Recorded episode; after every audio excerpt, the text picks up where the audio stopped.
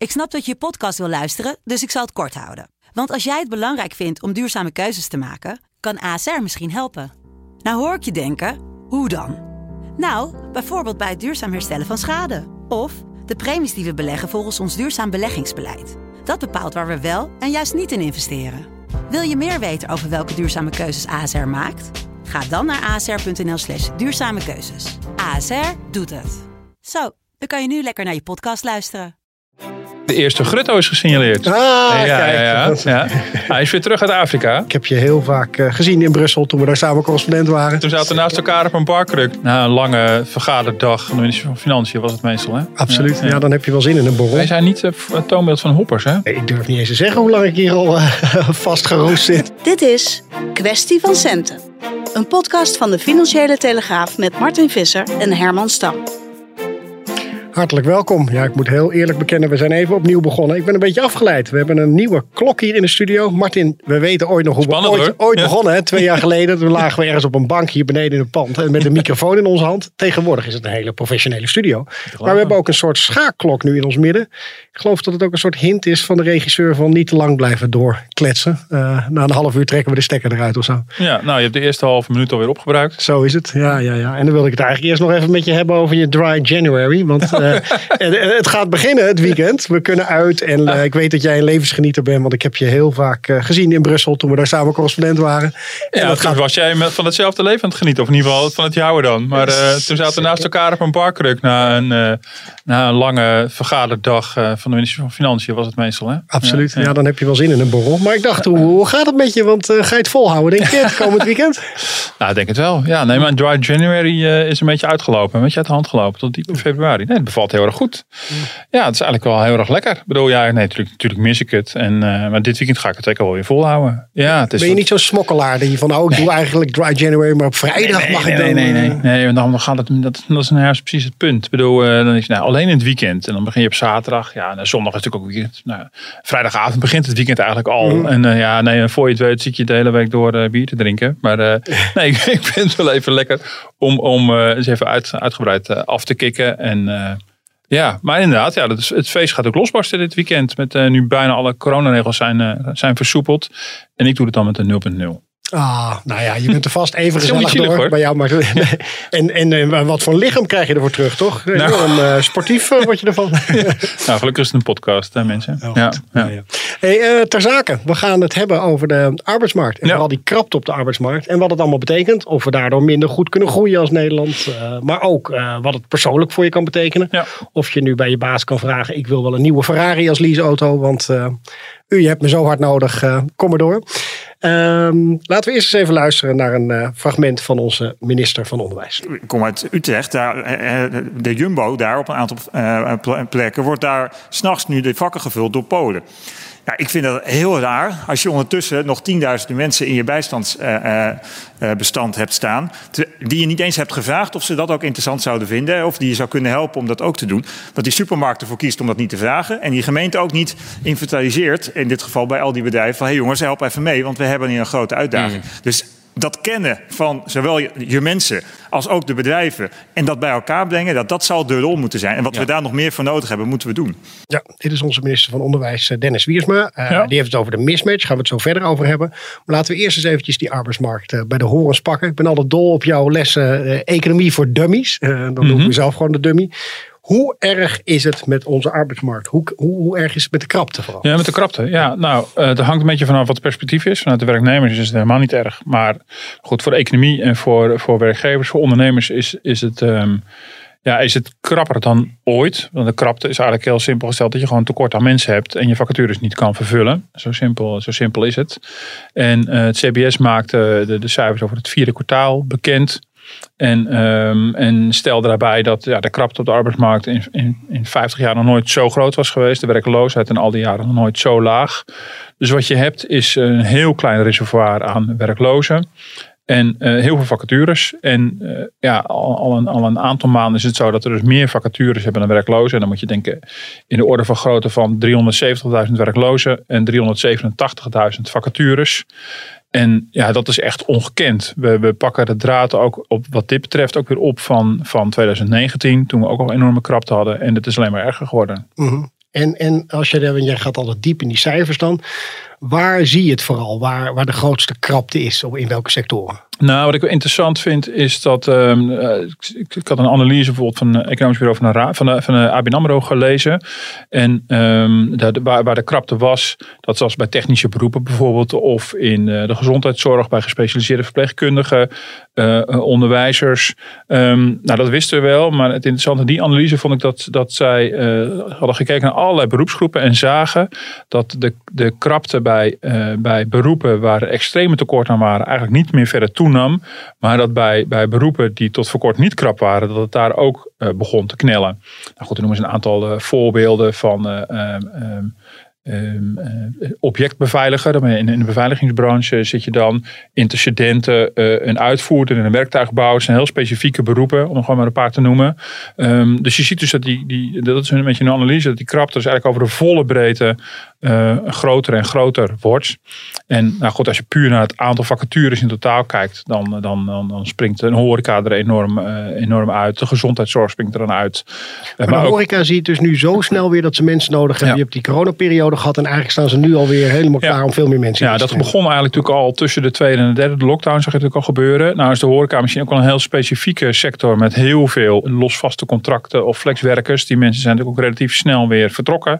Uh, nou, onder andere naar de GGD die goed betaalt. Ja. Uh, en is heel moeilijk. Ja, schets dat even, ja. want dat vind ik altijd, jij, jij hebt er vaker over. Dat is ja. aardig voor de luisteraar. Uh, wat, je, wat je ongeveer kan verdienen bij de GGD. Ja, bij de GGD, als je daar bronnencontactonderzoek doet, dan kan je een uurloon verdienen van nou, pak een beetje 17,5 euro. In die orde van grootte. En, door, en dan maakt het niet uit of jij student bent en even een tussenjaar neemt, of dat je al in de 40 bent met ruime werkervaring, iedereen krijgt gewoon het uitzendtarief. Hm.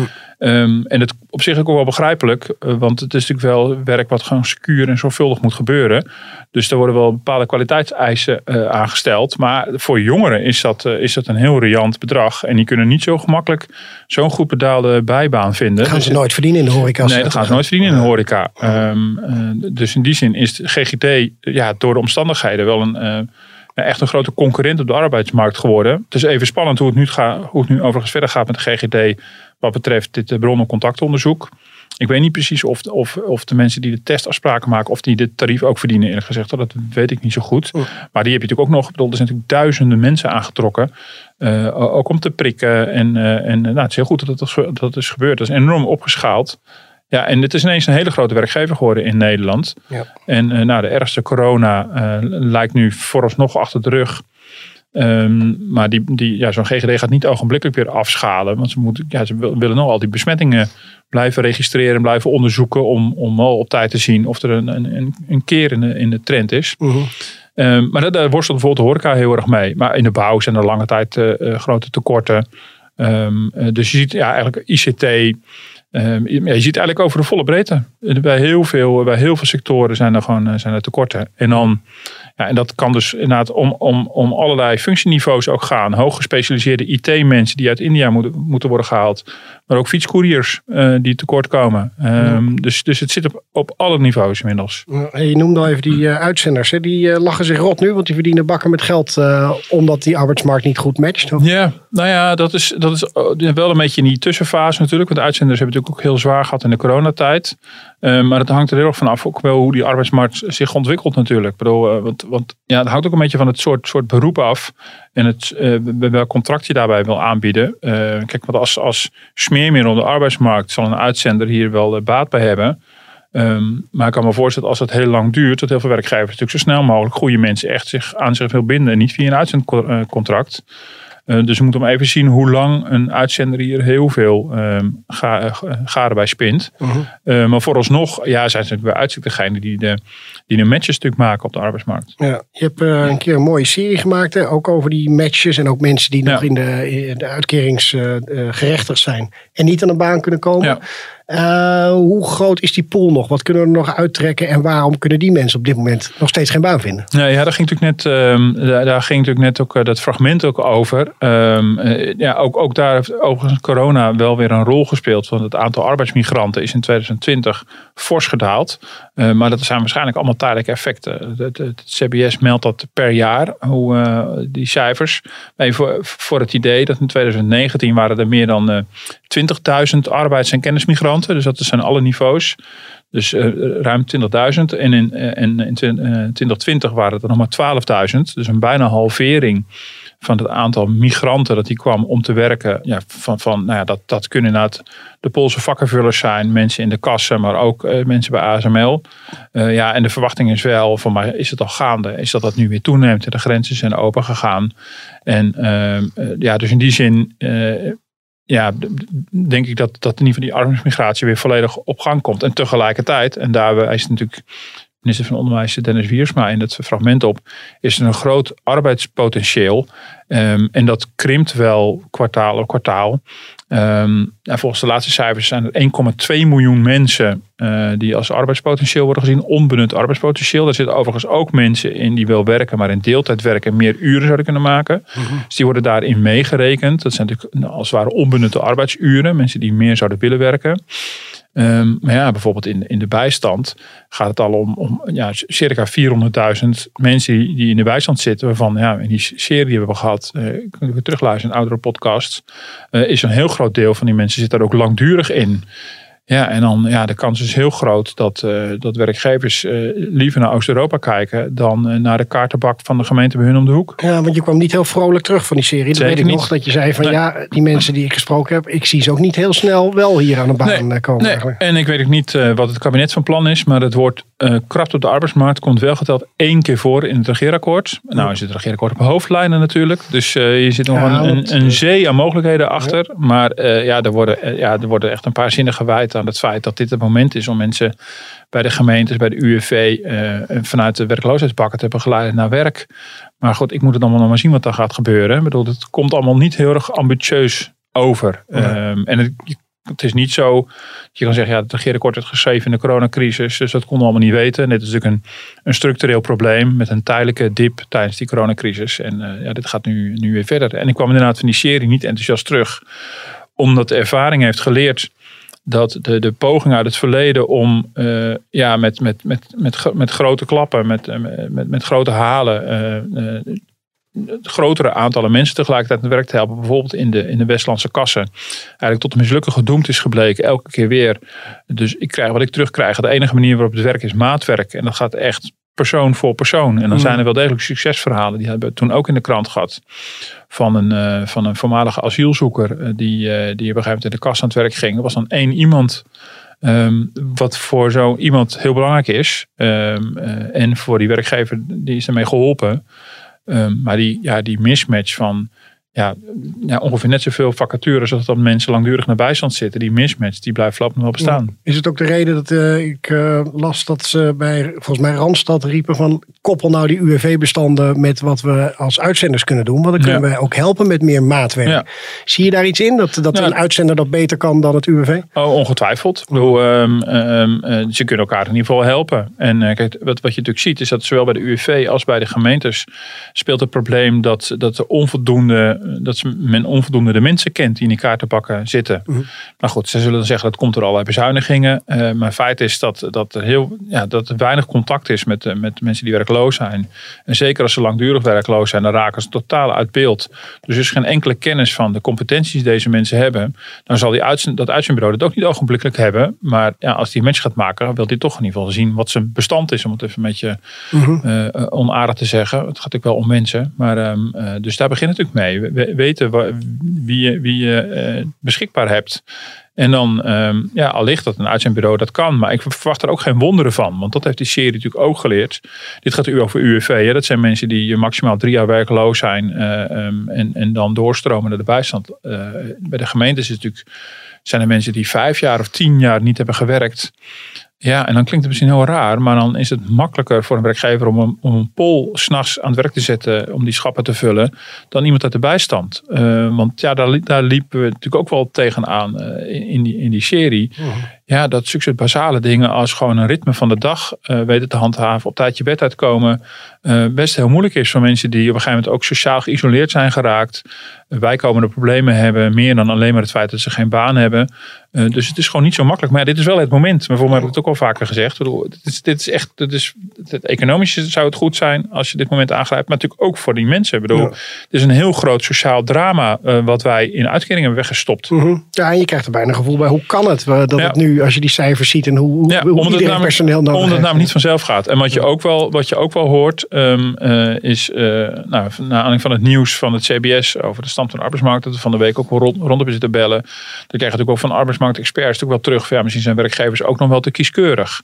Uh, je, je kunt niet, ik geloof dat de hoofdeconoom van het CBS dat zei, je kunt niet de schaap van het, met vijf poten verwachten die 80 in een uur gaat werken voor jou tegen een salaris voor 30 uur. dat gaat ook niet. Je moet op een gegeven moment als werkgever denken, ja, bedoel, ja de, de eisen moeten omlaag. Dus dat betekent ook dat werkgevers, ja, of ze nou leuk vinden of niet, zullen moeten gaan investeren. En mensen moeten aantrekken die net niet helemaal gekwalificeerd ja. zijn. En die, de, die de, de ruimte en de tijd krijgen om al werkenden die kwalificaties, al werkend die kwalificaties alsnog te halen. Mm -hmm. ja, dat is natuurlijk veel meer gedoe. Ja. Ik bedoel, uh, ja, dat weet jij natuurlijk ook als, als, als chef. Ik bedoel, uh, ja, hoe makkelijk is het om, om iemand aan te nemen um, die, die zijn hele leven journalistiek heeft gedaan, die vanaf dag één, uh, als hij zijn laptop heeft gekregen, gewoon meteen stukjes begint te tikken. Vergeleken met iemand die op allerlei onderdelen kwalificeert, maar misschien nog niet op alles. Mm. En die veel meer begeleiding vergt of veel meer aandacht vergt. Ja, dat maakt, ook, dat, dat maakt jouw leven ook als chef natuurlijk ook anders. Absoluut. Hey, en, en je zei ook even over die de, de deeltijd. We zijn deeltijdkampioenen. Ja. Ehm, als je dan nou vergelijkt met andere landen, zit daar ook een heel groot deel van de oplossing in. Als we gewoon allemaal wat meer uren gaan werken, ja. dat het dan opgelost wordt. Ja, dat zou wel kunnen. En de vraag is of de mensen dat ook willen. Bij het, bij het arbeidspotentieel, het onbenutte arbeidspotentieel, wordt op mijn manier gerekend aan mensen die meer zouden willen werken. Uh, maar er zijn ook heel veel mensen die heel bewust uh, de deeltijd werken. Uh, de manier, dat is vaak de manier waarop waarop, waarop gezinnen dat natuurlijk onderling hebben afgestemd tussen partners. Uh, dat de ene fulltime werkt en de andere deeltijd of allebei in deeltijd. Waarop je nou ook wel die drukke jaren met jonge kinderen bijvoorbeeld kan, kan overbruggen. Um, maar ja, gewoon puur macro gezien, als je naar die cijfers kijkt, zijn wij na deeltijd kampioen. En ja, daar zit wel nog heel veel mogelijkheden. En dan is het de vraag om uit te zoeken, hoe kan dat dan? Bedoel, hoe zijn het de werkgevers die het misschien wel makkelijk vinden om, om allerlei personeel te hebben, wat je over de zorg nog wel eens hoort, uh, die niet fulltime werken, maar die je gewoon helemaal willekeurig waar kan inroosteren uh, voor uh, 28 uur in de week. Um, zit het misschien in de fiscaliteit dat het helemaal niet loont om een paar uur meer te gaan werken, omdat dan de Belastingdienst langskomt en wat je meer verdient gewoon eraf chopt en dan hou je per saldo helemaal niks meer over? Of zijn het gewoon echt gewoon persoonlijke wensen van mensen? En dan wordt het wel, ja, dan wordt het wel lastig om mensen daarvan ja. te overtuigen. Ja, nou goed, wat je net zei, van we hebben hier bij DFT, bij financiële redactie, ook een aantal vacatures gehad. En daar zag je wel heel erg de mentaliteit vooral. Ik, ja. Het is altijd een beetje zo erg zo'n generatieding klinkt het dan, maar vooral de jongeren die je probeert aan te nemen, die toch allemaal meteen beginnen. Mag het in vier dagen of in drie dagen? En dan vinden ze het eigenlijk wel, uh, wel goed geweest. Ja, ja. Nee, dus bedoel je, kijk, hier kan je eisen stellen in, in geld. Daar gaan we het straks vermoedelijk nog wel over hebben. Maar dit, dit kan ook een eis zijn. Ik bedoel, ja. bedoel, mensen maken zelfbewust een keuze over hoe ze hun leven willen inrichten. En um, ja, dat, dat, betekent niet voor iedereen dat werk automatisch op één staat en al hun tijd opslokt. Bedoel, uh, en, en als je een prima salaris krijgt door vier dagen in de week te werken, dan zijn er heel veel mensen die dat graag zo willen. En hebben organisaties, organisaties maar op aan te passen. Ja, nou, je noemde het al eventjes. Hè. Het is niet alleen maar kommer en kwel, want je kan er natuurlijk ook een enorm slaatje uitslaan uit deze krappe arbeidsmarkt. En daar gaan we het uh, nu eens even over hebben. Er is echt totaal niks mis om ergens acht of tien of vijf jaar te zitten. Zolang je het naar je zin hebt en zolang je ook je uitdaging hebt in je werk back is dat ook helemaal prima. Dus die mensen wil ik als uh, advies geven om je vooral niet zenuwachtig te laten maken door wat er in de buitenwereld gebeurt. En vooral naar jezelf te kijken. Ja, dit is een fragment van uh, Naomi Barnau, dat is een loopbaancoach. Die heeft het juist meer mm -hmm. over die plakkers. Maar ook uh, in datzelfde fragment op YouTube heeft het ook over de, de jobhoppers. Oh ja. En, en wat, ben jij, wat ben jij? Je bent een plakker denk ik. Hè? Ik, ik, durf niet eens te zeggen hoe lang ik hier al vastgeroest zit. maar dat is bijna twintig jaar. We krijgen een jubileum. oh, vergeet ja. geen taart mee te brengen. Martin. Maar jij ook al wel eventjes. Ja, toch? ik ook al wel eventjes, ja. Nee, dat, dat, dat klopt. Ja, zijn geen hoppers. Nee, het zijn geen hoppers. Nee, ik heb eerst bij een vorige krant bijna 15 jaar gewerkt. En nu zit ik hier ook alweer meer dan 8 jaar. Dus um, ja, nee, dus uh, wij zijn niet het toonbeeld van hoppers. Hè? Dat, nee. um, ja, ik kijk dan met jaloezie, dan zie ik bijvoorbeeld zo'n uh, zo'n pizzaketen die zegt... we bieden zelfs een ruimtereis aan als je bij ons komt werken. Notabene Ja. gewoon als pizzabezorger. En dan Ja. denk ik, eh, nou Martin, moeten wij niet uh, omslaan? Ja, de- de- mijn, mijn baas luistert ook mee, zeg ik er meteen bij. Dus ik moet hier niet gaan doen alsof ik heel graag weg wil. Dat is ook helemaal niet het geval. Ik heb Ja. erg naar mijn zin. De Telegraaf Maar ruimtereis. Je Ja. ziet het om je heen wel, hè, Ja. wat er gewoon gebeurt. En eh, nou ja, hoe, hoe Ja. eh, recruiters aan eh, mensen zitten te trekken. Eh, de, de- voor recruiters is dat een, go- een goede tijd, want die verdienen daar veel geld mee. Nee, precies. En dat is ook een verschil met die uitzenders. Hè. Ik bedoel, Mhm. uitzenders natuurlijk ook, maar voor, voor recruiters die echt proberen die match te maken. eh, die hebben natuurlijk sowieso wel gouden tijden. Ook, eh, ook als, zeker ook als werkgevers echt mensen in vaste dienst willen gaan nemen. Ja. Maar is het ook niet slecht voor een economie dat mensen zo makkelijk gaan wisselen? Want je wil natuurlijk ook in een, in een bedrijf continuïteit en ervaring binnenhouden. En als iedereen maar gaat zitten hoppen, dan kan Ja. het misschien ook de verkeerde kant op gaan. Ja, ja, nou, ik denk dat we daar nog wel een poosje weg zijn Ik bedoel, ik denk dat op zich eh, arbeidsmobiliteit heel goed is. Eh, in zijn algemeen, bedoel, ik snap wel jouw punt hoor. Als, als weet ik wat binnen bedrijven de, totale personeelsbestand i- ieder jaar weer volledig ververst in een, soort extreme variant. Dat zou natuurlijk niet, niet eh, dat zou voor continuïteit van het bedrijf niet goed zijn. Eh, maar in zichzelf is er natuurlijk helemaal niks mis mee. Het is ook een soort van marktwerking. Waarbij eh, mensen dan een keuze maken voor een andere baan die bijvoorbeeld beter betaalt. Dat zou natuurlijk heel goed kunnen. Eh, maar ook omdat die beter bij iemand past. Omdat je talenten dan beter eh, tot ontwikkeling komen. Of omdat het meer in de buurt is. Of omdat je een ontwikkeling doormaakt. Ja, het kan natuurlijk heel goed zijn dat je, dat je op het gevoel hebt van nou, in, in, dit werk ben ik een beetje uitgegroeid. Ik doe weer iets anders. Dan kan ik weer nieuwe dingen leren. En dat is ook heel goed voor de economie. Dus ik denk dat, ja, dus in zijn algemeen natuurlijk is die mobiliteit juist heel erg goed. En probeert een, moet een overheid ook proberen dat ook wel te stimuleren. Kijk, we hebben een hele flexibele arbeidsmarkt. Maar dat is wel een beetje flexibel in andere zin. Dat is flexibel in de zin van dat er heel veel flexcontracten zijn aangeboden in het verleden. En dat ZZP helemaal sky high is gegroeid. Dat is wat anders dan flexibel in de zin dat een werkgever relatief makkelijk van zijn personeel af kan komen als het niet goed functioneert. Of als je, als je moet eh, reorganiseren omdat het economisch goed is. Of dat mensen heel makkelijk van de ene naar de andere gaan. Ehm, want dat kan. hè. Dan, dan, dan zet je misschien wel je talenten gewoon beter in. Ja, nee, maar ook we hoorden die loopbaancoach en zo van nou, wees ook tevreden met wat je hebt. Ik heb een aantal vrienden die stappen dan wel vrij snel over in deze tijd. Met eh, ongetwijfeld heel wat meer salaris. Maar of ze daar nou helemaal happier van worden, vraag ik me dan ook af. Nee, kijk, dat is ook wel een ander argument dan, dan economisch. Ik bedoel, Ja. eh, nee, dat kan. Ja, ik weet niet. Ja, dat, ehm, ja, dat hangt, ja, dat hangt een beetje van je karakter af. Ja, ik Mhm. ben ook vrij honkvast. En ik, ehm, ja, ik vind, ja goed, maar ja. Ik denk dat journalisten ook misschien wel een beetje conservatieve beroepsgroep zijn. Hoor. Ja. Ik bedoel, eh, ze kijken, we krijgen nu allemaal een nieuwe laptop, wat een geklaag. En ik doe er vrolijk aan mee. Ik bedoel, eh, alleen al het wisselen van een computersysteem eh, Vinden we al ingewikkeld. is op een redactie al heel heftig. Ja, ja, ja. En, nee, dus ik denk dat wij. En, ja, je, ja, en op een gegeven moment voel je ook thuis bij een bepaalde titel. En ja, dat heeft niet elk werk per se. Ik, bedoel, Mhm. ehm, ik denk dat iedereen natuurlijk wel, er wel eraan hecht natuurlijk om je ergens thuis te voelen in een sociale kring. Want je werk is ook een sociale kring. Ja, de mate waarin je je identificeert echt met je werkgever, dat is ook weer de vraag. Wij maken ook wel een heel tastbaar product. Dat telt misschien ook wel een beetje. Ja, verder is ook een beetje karakter. Ja, en, eh, als mensen graag elke twee jaar willen, willen switchen omdat ze net iets meer kunnen verdienen. Nou, hebben hier my guest, doe dat vooral. Ja, mij trekt dat niet zo. Hm. Ehm is weer wat anders dan dat je zo lang blijft werken eh, hier als jij. Maar goed, eh, Ik wilde je eerst even een gevaarlijke vraag eh, stellen. Want de- wat geef je dan als tip aan mensen? Nou, stel dat je zo honkvast bent zoals wij of zoals ik. Mhm. Maar dan heb je wel wat te onderhandelen toch nu bij je werkgever. Dat je zegt van nou, Ja. eh, b- buiten mijn CAO. Want ja, die vakbonden die zijn ook steeds minder machtig. Dus die kunnen het ook niet voor elkaar krijgen. Gewoon even zelf lekker aankloppen Ja. voor een ja. salarisverhoging. Nou ja, dat kan. Dat eh, kan je proberen. Is dit het moment volgens jou? En ehm, nee, dat lijkt me wel het moment. Ja. Bedoel, En dat kan inderdaad om salaris gaan, maar dat kan ook om andere dingen gaan. Bijvoorbeeld als je zegt, nou, ik wil een dag in de week minder, werken. Of ik wil tot, eh, überhaupt tot allerlei andere werkafspraken komen. Of ik wil mijn baan anders inrichten. En eh, zeker, dus ehm, het is natuurlijk makkelijker als je van de ene job naar de andere gaat. Dat is natuurlijk altijd gemakkelijker. En dan, dan eh, ja, als je, als je dan merkt tijdens de sollicitatieprocedure van nou, ik ben nogal gewild. Dan heb je natuurlijk een betere positie dan wanneer je ergens al bent. Ehm, want dan zal de werkgever misschien denken, ach, die gaat toch niet weg. Ja. En, ehm, ehm, dus, maar nee, dit is wel natuurlijk het moment om, om, om dat, te, dat te proberen.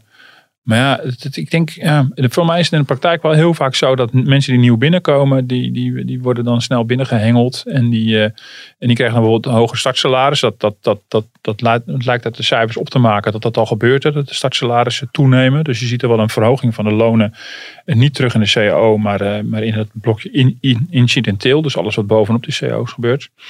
Ja, en dan is het in de praktijk voor mij makkelijker voor een nieuw iemand om een goed salaris te bedingen dan wanneer je helemaal al binnen bent. Maar goed, ja, je kan het toch proberen. En zeker, wie gaat eh, nog binnenstappen bij zijn baas en zeggen, ja, ik ben nu twee jaar verder. En eh, Ja. dat, is, Ja. dat is moeilijk. Dat Ja, nou, moeilijk. zeker als je onder de CAO valt, wat voor heel veel werknemers eh, geldt, dan is het natuurlijk voor de werkgever altijd heel makkelijk om te zeggen, ja, sorry, maar het kan niet van de CAO. Mhm. Wat natuurlijk in ieder geval bullshit is, van de CAO is een bodem, dat is geen plafond. Dus dat is, eh, dat is een, eh, een heel slecht argument. Ik kijk, maar een werkgever zal ook proberen om de inkomensverhoudingen binnen zijn afdeling ook een beetje eh, te, te laten matchen.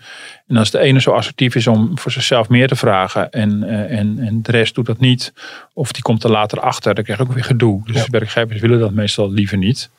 Het hangt ook sterk af van, je, van, van het soort bedrijf en van de functie. Bedoel, Sommige, nou, wat je zegt, die vrienden die jobhoppen. Ja, dat zijn blijkbaar functies waarin het veel logischer is. En misschien bijna een beetje Amerikaans, waarin het ook veel gebruikelijker is. consultancy en dat soort Ja, takken. precies. Ja, dus dat, ja. maakt ontzettend, eh, dat, dat maakt ontzettend uit. Ja, ja. Hey, en eh, voor je inflatie is dat altijd nog wel het beste, toch? Eh, ge- Ja. Geven we de mensen dan op mee van niet wachten op je CO. Maar als je dan echt Ja. een eh, stap wil maken, gewoon zelf eh, Ja, op de deur. nee, zeker. Want kijk, dat speelt natuurlijk nu inderdaad door die hoge inflatie. Die koopkracht onder druk staat. en dat zijn natuurlijk algemene plaatjes. En die koopkracht, die, die, dat zijn altijd statische plaatjes. Dus van alles blijft gelijk. En wat gebeurt er dan met je koopkracht? Eh, maar je kan ook dynamisch, eh, heet het dan in, eh, in CBS-termen, naar die koopkracht kijken. En dat is gewoon hoe ontwikkelt jouw koopkracht zich, inclusief datgene wat er in je leven verandert. Nou, en als je nou, als je bijvoorbeeld van baan wisselt, is dat heel erg goed voor je koopkracht. Want ja, dat doe je meestal met inclusief een salarisverhoging. Ja, dus daar kan geen vakbond in een onderhandeling te- tegenop natuurlijk. Helder. Hey, we gaan nog eventjes eh, vooruitblikken hoe dat nou verder moet eh, met die arbeidsmarkt. En ook als we bedrijven vragen van wat hun grootste belemmeringen zijn die ze op dit moment ervaren, dan is dat vrijwel overal een tekort aan personeel. De horeca lijkt het dat ze op dit moment nog wat meer last hebben van gehad van eh, de coronamaatregelen. Dat gold begin dit jaar. Maar ook in de horeca wordt al lange tijd aangegeven dat tekort aan personeel een serieus probleem is. Ja, dat is eh, die eh, Peter Hein van Mulligen, waar je het eerder al over had, Ja. de CBS-hoofdeconoom.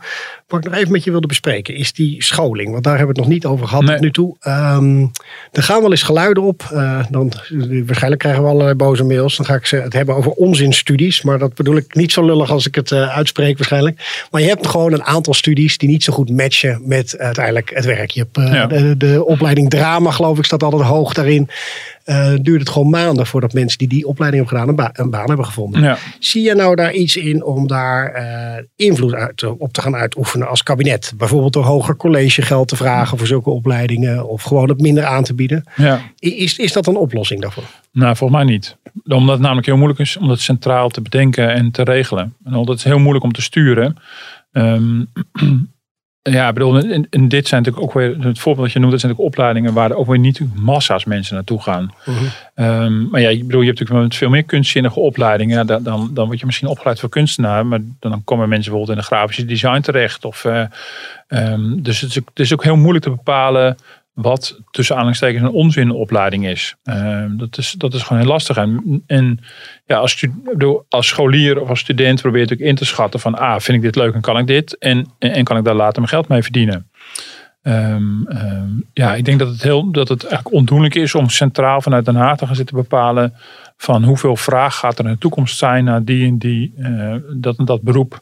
Dus dat lijkt mij niet, ik heb ook niet, ja, ik ben er wel eens ingetoken, maar ik heb ook niet de indruk dat het nou heel grootschalig aan kapitaalvernietiging doen doordat we opleidingen voor een deel ook beta- voor een groot deel ook betalen uit algemene middelen eh, waar mensen opgeleid worden voor de werkloosheid. Dat is toch iets, eh, dat is toch te lastig. Ja. Ja, weet je, dus, bedoel, dan zou je ook kunnen zeggen, bijvoorbeeld filosofie, wat moet je daar nou mee in een bedrijf? En dan blijkt natuurlijk ook wel, als je dan kijkt waar, waar, waar, mensen dan terechtkomen, dat mensen op allerhande plekken terechtkomen. Bedoel, Kijk maar naar de journalistiek. Er zijn die mensen die natuurlijk journalistiek zijn opgeleid. Maar eh, nou, bij mijn vorige werkgever was iemand chemicus. En eh, die zat in de journalistiek. En je hebt, je hebt historici. Die, schreef alleen maar over AXO. Of, Nee, nee, helemaal niet. Nee, ik bedoel, maar dat, dat zegt dus, in die zin zegt dat ook helemaal niet zoveel. Dus, ehm, ehm, en zeker niet bij, eh, bij meer universitaire opleidingen, waar het eigenlijk meer om een manier van denken gaat, dan dat je nou echt voor een vak wordt opgeleid. Dus nee, ik denk niet dat daar de grote winst te, te, te behalen is. Je ziet ook hoe lastig het is in, in, dat zijn, de, zijn wel numerus fixes. Dat is natuurlijk het omgekeerde. Dat, ik bedoel, dat is ook een manier om het te reguleren. Ook op technische opleidingen. Ik bedoel, eh, dat is ook om de kosten in bedwang te houden. Maar dan zie je dat er juist tekorten daar zijn. Je hebt numerus fixes bij medische opleidingen, omdat die heel duur zijn. Ehm, het is echt ongelooflijk lastig om. Uh, daar is dus het kostenargument, omdat dat mhm. hele dure studies zijn. Uh, is het kostenargument van belang. Maar ja, je monopoliseert ook wel een beetje die, die beroepen. maar je kan het ehm, ook een positieve draai geven. Hè? Bijvoorbeeld, als je ziet van we komen heel erg tekort op techniek. Ja. Zorg dat die opleidingen heel goedkoop zijn, bijvoorbeeld. Nee, dat, dat, dat, zou je, dat zou je eventueel kunnen doen. Ja, dat zou, ja, nee, dat zou eventueel kunnen. Ja. Ja, ik zou, ik zou vooral zeggen van, uh, ja, weet je, zorg dat het aantrekkelijk is. Breng, breng leerlingen vroeg in contact met, uh, met technische vakken. Uh, stimuleer het enthousiasme daarvoor. Maar dat zou kunnen. Je zou een korting kunnen geven op. maar dan nog is het wel tricky hoor. Ik bedoel, dat, dat heet in de economie de varkenscyclus. Dat zal wel ongetwijfeld iets te maken hebben ooit met de, met de veehandel. Dat, heb ik eigenlijk helemaal niet paraat waarom het zo heet. Maar, en dat heeft ermee te maken, dat, dat heeft precies ook hiermee te maken. dat is ook de, die fout die je als scholier kan maken. Dat je weet van, oh ja, nu is, is het heel erg gewild om die die technische opleiding te hebben gehad. En dan ga je die technische opleiding doen. En dan, ja, dan ben je natuurlijk niet in je eentje op het idee gekomen. Dus massa's mensen stromen in. En tegen de tijd dat je afgestudeerd bent, is het tekort opgelost. Mm nou is nu de voorspelling dat het tekort er voorlopig wel blijven. Dus nu hoef je er minder bang voor te zijn. Maar dat, dat gaat ook met golfbewegingen. En als je als overheid dat gaat zitten centraal gaat zitten regelen en zit te stimuleren, er zit ook altijd de vertraging in. Dus je kan, dan loop je dus ook, ook wel een zeker risico. Dus ik ben er niet zo heel enthousiast over om het op die manier, uh, die manier te doen. En het blijkt ook heel vaak dat ja, dat mensen natuurlijk gewoon op, op allerlei onverwachte plekken terechtkomen. Ik bedoel, een heel groot deel van je. Bedoel, ik denk dat je ook met je los. Dat we op een gegeven moment ook los zullen moeten komen van het idee dat je ergens tussen je, weet ik veel, dus tussen je vijftiende en je, en je, je twintigste of je tweeëntwintigste, dat je je daarmee opleidt voor het vak van de rest van je leven. Mhm. Want dat is heel erg zo nog gedacht. En zo is nog steeds onderwijs uh, ook georganiseerd. Ja, terwijl daarvoor zijn de veranderingen op de arbeidsmarkt ook te groot. Dus nou ja, ik heb er even bijgezocht, ook weer in het regeerakkoord. Er staat ook weer in één zin dat ze permanente scholing via leerrechten gaan bevorderen. Ja, daar zit ook de crux. Maar goed, dit is ook een zin, dat, dat, stond waarschijnlijk in het vorige regeerakkoord ook. En die daarvoor stond dat ook al. En uh, ja, dat, maar dat is natuurlijk wel de crux. Van hoe kan je mij niet overstappen naar een naar een, naar een wereld, een, een, werkzaam wereld, een leven waarin het logischer is om gewoon permanent bijgeschoold te worden, waarin het makkelijker wordt, minder drempels zijn om een overstap te maken naar iets, iets anders, iets heel anders of iets een beetje anders, waarbij je mhm. misschien een beetje weer scholing nodig hebt. Maar ja, goed, in ons uh, polderland uh, praten daar onwaarschijnlijk veel over en doen we daar uh, vrij weinig mee. Ja. Nou, dan tot slot, want je schetst dat beeld en het wordt alleen maar erger nu we uit die coronacrisis komen. De krapte wordt nog erger. Ik schrik er een beetje van dat het maar in één zin ongeveer behandeld wordt door het kabinet. Maar wat, wat kan je ze nog als tip meegeven van luister, dit zou ook nog kunnen helpen? Of... Ja, ja. Nou ja, kijk, om, om te beginnen, kijk, voor een deel zal ook de, de arbeidsmarkt het zelf oplossen. Ik bedoel, uh, maar dat is allemaal iets langere termijn. Kijk, als we op een gegeven moment uh, gaandeweg uh, heel veel beroepen, als er tekorten aan zijn, dan gaat het kabinet ook tegenaan lopen. Hè. Dat is wel een belangrijk effect. allemaal super ambitieus met klimaat en uitbreiding van defensie en weet ik veel allemaal, wat ze allemaal voor ambities hebben. Het planbureau heeft ook gezegd van, je hebt de arbeidsmarkt tegen, zie de mensen maar eens te krijgen om dat allemaal uit te gaan voeren. Maar goed, dus het kabinet gaat die kaart tegen de muur lopen, is de voorspelling. Uh, maar een deel lost de markt in die zin op. Als arbeid gewoon duurder gaat worden, dan gaan werkgevers manieren zoeken om, uh, om dat op een andere manier in te richten. Dat betekent dus uh, investeren in automatisering. Nou, je ziet het bijvoorbeeld in de horeca al ik vind het een beetje onpersoonlijk, maar uh, dat, dat, dat het een beetje veel. Uh, Zo'n zo robotje, niet Zo'n zo, zo robotje, of uh, dat je op een andere manier al bestelt mm -hmm. aan tafel en dat het dan wordt gebracht. En dus je krijgt dus, ja, dan wordt de mens vervangen door een machine. Zo simpel is mhm. dat. En dat ziet er in elke sector weer een beetje anders uit. Ehm, maar dat gaat natuurlijk voor een deel ook gebeuren. Ja, en verder moet het kabinet A, het op zijn netvlies hebben, hebben staan. Dat dit een economische rem kan, kan, kan gaan zijn. Dat de eigen plannen niet uitgevoerd kunnen worden. Ja, het enige wat ik kan bedenken zijn de twee dingen die we besproken hebben. A is serieuze inzet op langdurige werklozen. Uh, ook om dat sociale probleem op te lossen.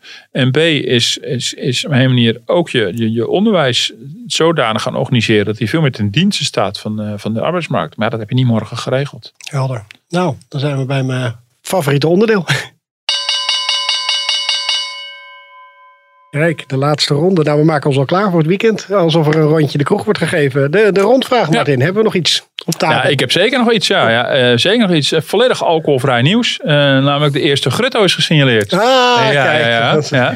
Hij is weer terug uit Afrika. Dus Ja. dat, eh, dat, dat, vind ik. eh, ik heb de afgelopen maanden heel veel naar een concurrerende podcast geluisterd. Nou, die concurreert niet echt met ons, dus ik kan het wel zeggen, de Vogels Podcast. Mhm. En eh, ehm, eh, dus, dus als je deze hebt uitgeluisterd, luister ook gerust nog eens een keer daar eentje van.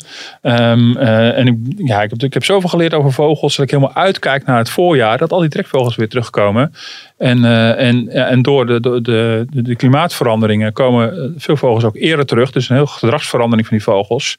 Dus aan de hand van de vogels zie je ook wat er gebeurt in de natuur. Je ziet er gebeurt, wat er gebeurt in een land. Eh, maar goed, en deze week was het nieuws dat de grutto er weer is. En ik kan niet wachten tot ook de lepelaar er weer is. En de ooievaar. En kijk er helemaal naar uit. Ja. Uh, hier kan ik toch niet meer overheen. Ik breng niks meer in. Ik zeg alleen, nee, ik, dat beeld alleen al. Ik moet altijd een beetje, dat klinkt gemeen, een soort lachen. van, Ik zie je gewoon helemaal door zo'n weiland lopen. En, Ja, is heerlijk. foto- we laten foto's zien op onze Instagram-account, die we nog moeten aanmaken. Ah, maar dit is meteen dus ook jouw, eh, jouw eh, inbreng voor de laatste ronde. ik, Dus, ga, eh, ik ga jou eh, bekijken hoe jij. Misschien kom je wel een beetje de kant van Muiden op. Daar zijn ook altijd veel vogels dan, dan op zoek naar de grutto. Nee, ik wil alleen voor de rondvraag zeggen dat we de volgende week niet zijn. Dat de Ja. luisteraar even een weekje geduld moet hebben. Het is vakantie, ook voor alle kinderen en ook voor mij. Dus we gaan even een paar dagen weg.